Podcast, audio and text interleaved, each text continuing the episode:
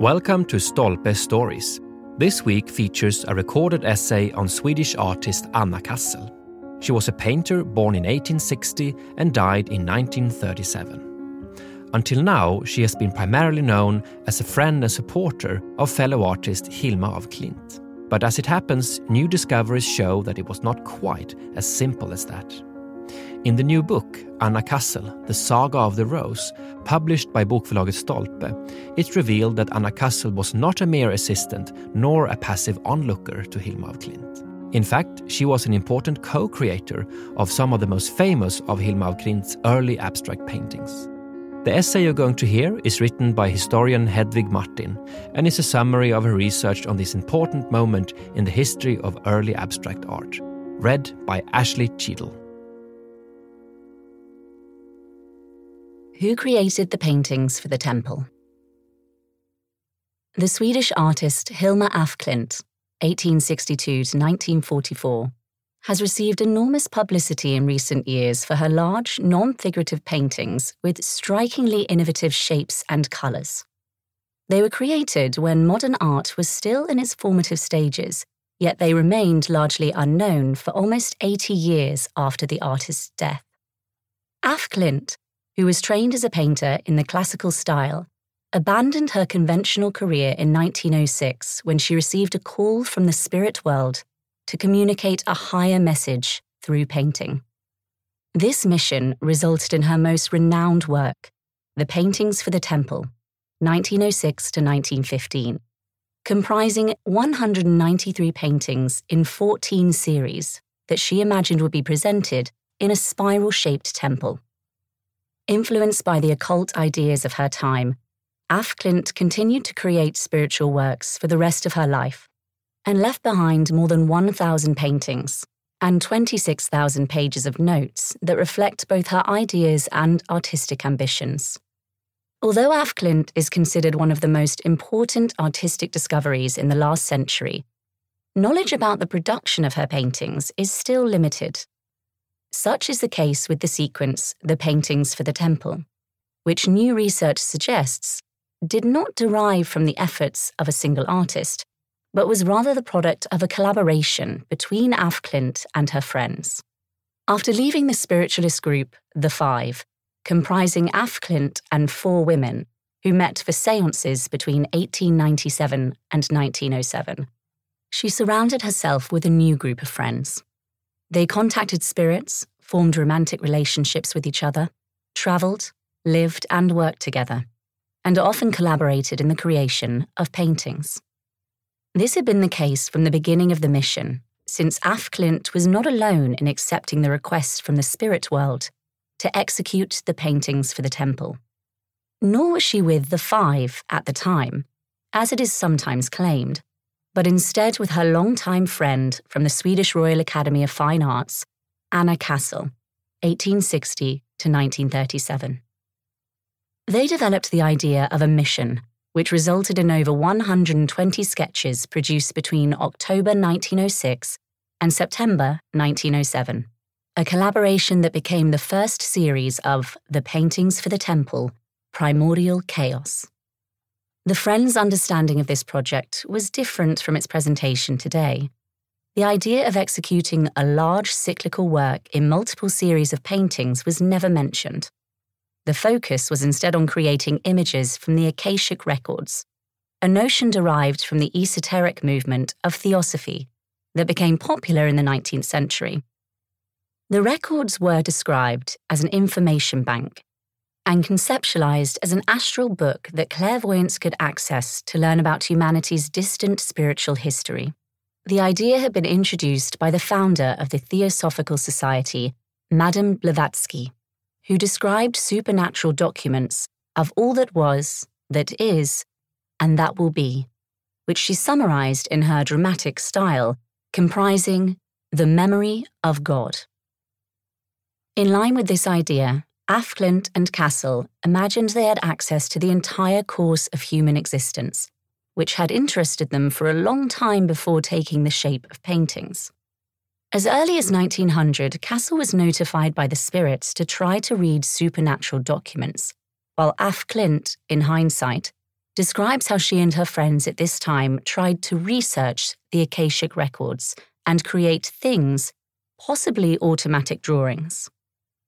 Six years later, this would be transformed into a mission of painting.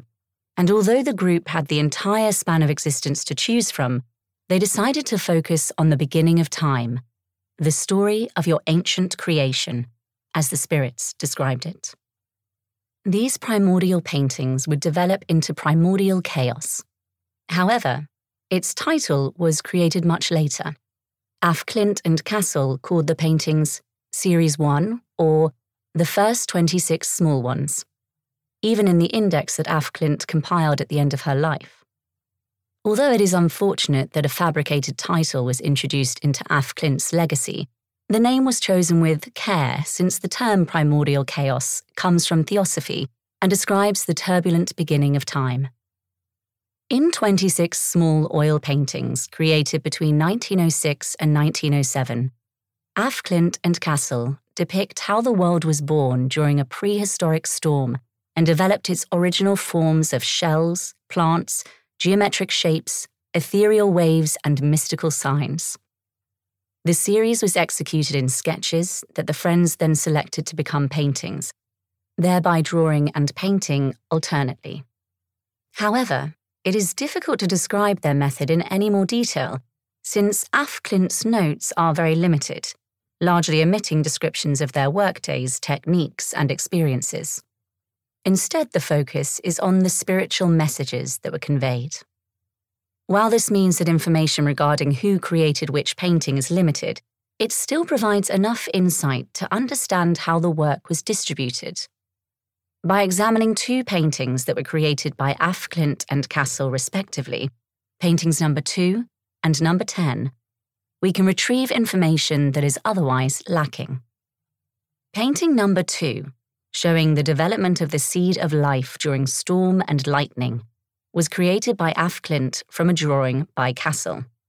Although the motif is interesting from a religious perspective, it is the execution of the painting that is relevant here.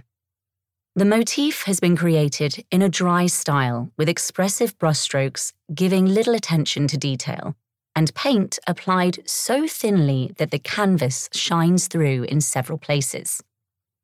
The difference between the artists is clear when comparing painting number two to painting number 10, which was executed by Cassel from one of her sketches with the instruction to paint in such a way that she tried to imagine the colour. The motif of a storm has been abandoned for a non figurative image of the world's original shapes and letters, presented in a blue and yellow diagram. The painting is detailed, with the paint carefully applied, and the end result is a smooth surface saturated with colour. It is evident that the friends' styles were opposites, and since this difference in technique is often visible throughout the series, it is possible to suggest who created the other paintings as well. This division proposes that Af Klint created 12 of the paintings in Primordial Chaos, including the first seven, and Cassel 14 paintings towards the middle and end of the series. Although Af Klint began to apply paint more generously in her later paintings, her style remained expressive, at times bordering on sloppy. Cassel, on the other hand, kept to a smooth, thick, and careful application of paint, suggesting that she executed the more well known paintings in the series, such as number 15 of sperms fertilizing an egg and number 16 of ether waves. Although this division cannot be proven with complete certainty, and some paintings are certainly more difficult to classify than others, it serves as an indication of how the work was divided between the two friends. As such, the first series of The Paintings for the Temple was clearly a collaboration between Af Klint and Cassel, working side by side on their mission to create images from the dawn of time. This collaboration continued briefly when Cassel, on January 19th, just two days after the Friends had completed Primordial Chaos, created the first painting in the following Eros series, receiving, as she experienced, instructions regarding both the choice of colour and the size of the canvas. This first painting again testifies to Cassel's style of soft brushstrokes in a blue green palette and it was only later in the autumn when Af Klint continued with Eros that the series became dominated by pink tones, and she broke away from her previous expressive style. The difference in colour reflects a change between the friends, who would soon end their collaboration. From Af Klint's notes, it seems that Cassel found it difficult to surrender to the spirits they believed were guiding them. She was repeatedly told to silence her mind, to receive their instructions, and warned if you are not strong enough, you will not get the rich harvest of work that H. Hilma would get.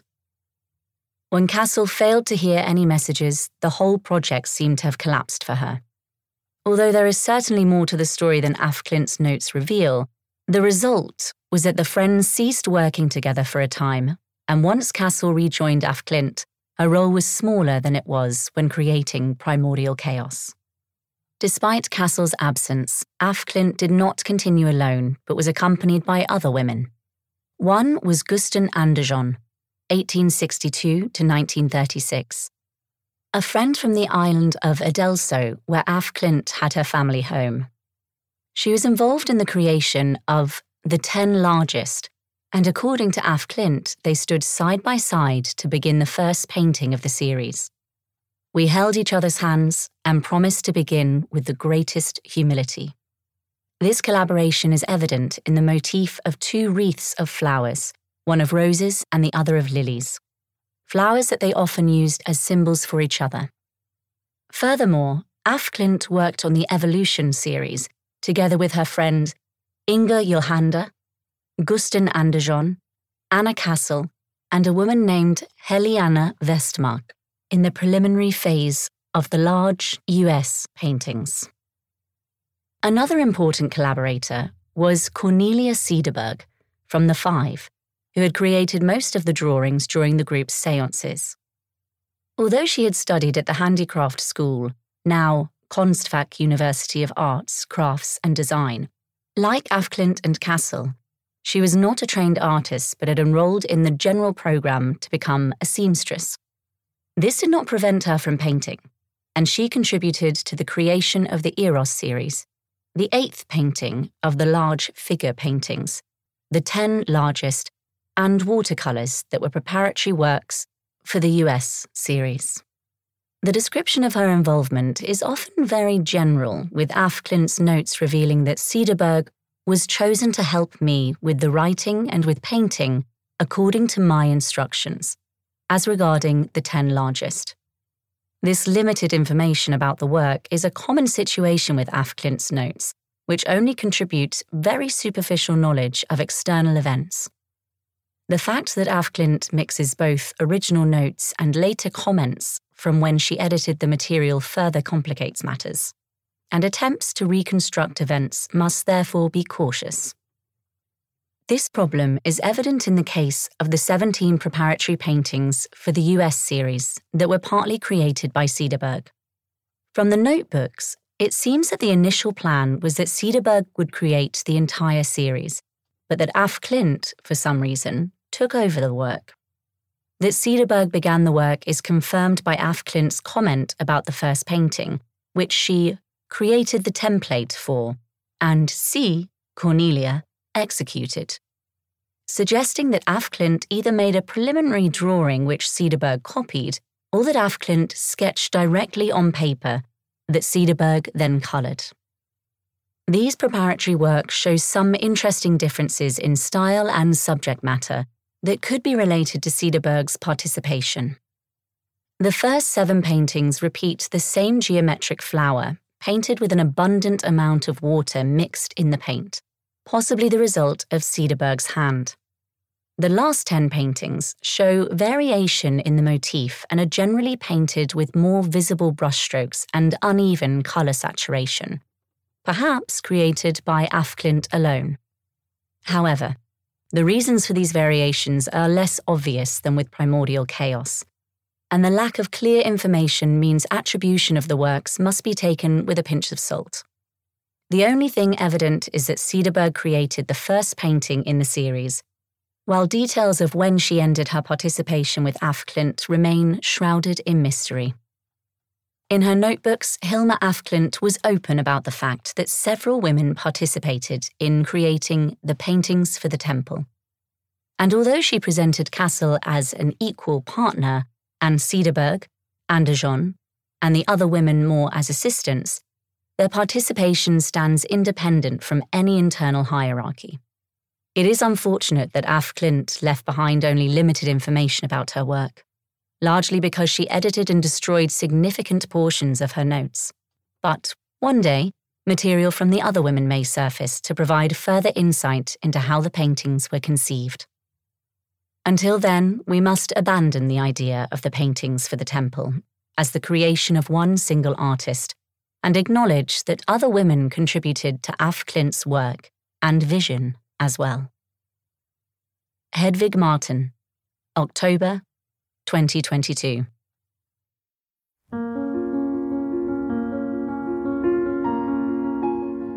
You've listened to an essay on Anna Cassel, written by historian Hedvig Martin in the book Anna Cassel, The Saga of the Rose. To get 20% off your purchase of the book, use promo code STOLPE20 at bokus.com.